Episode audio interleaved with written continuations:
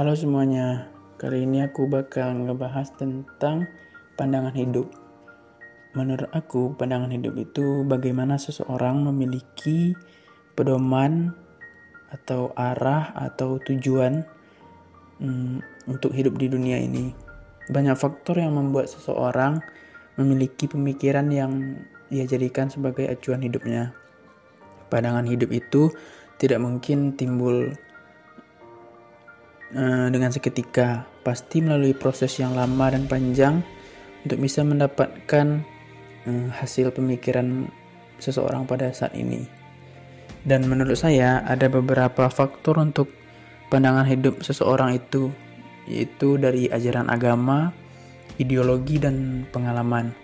Kalau ajaran agama memiliki kebenaran yang mutlak karena berasal dari nabi dan rasul dan itu menjadi suatu kepercayaan yang dianut.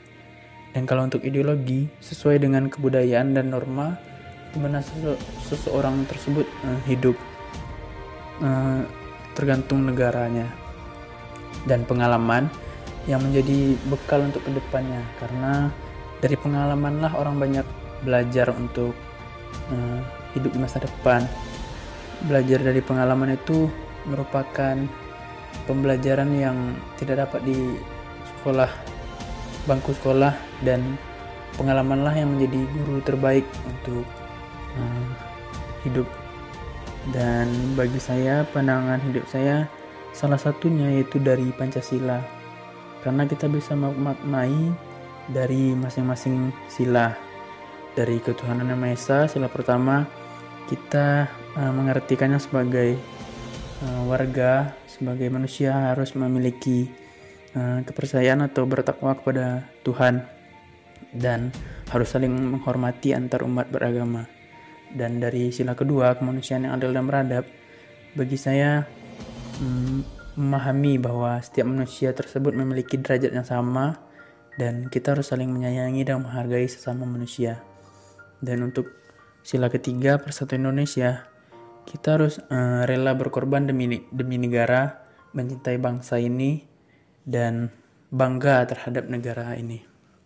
Untuk yang sila keempat, kerakyatan yang dipimpin oleh hikmat dan kebijaksanaan dalam permusyawaratan perwakilan itu bagi saya mengajak masyarakat untuk tidak memaksakan kehendaknya karena harus mengutamakan kepentingan bersama atau kepentingan negara daripada kepentingan pribadi.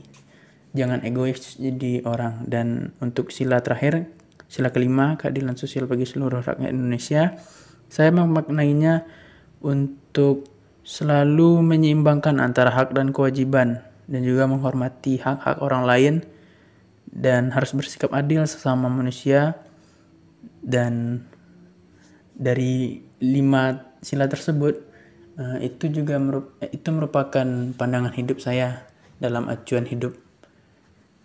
Dan saya harus mengaplikasikan setelah memaknai dan mengaplikasikan ke kehidupan agar uh, hidup berjalan lancar karena harus sesuai dengan pandangan hidup dan itu menjadi pandangan hidup saya. Mungkin sekian dari saya. Terima kasih. Assalamualaikum warahmatullahi wabarakatuh.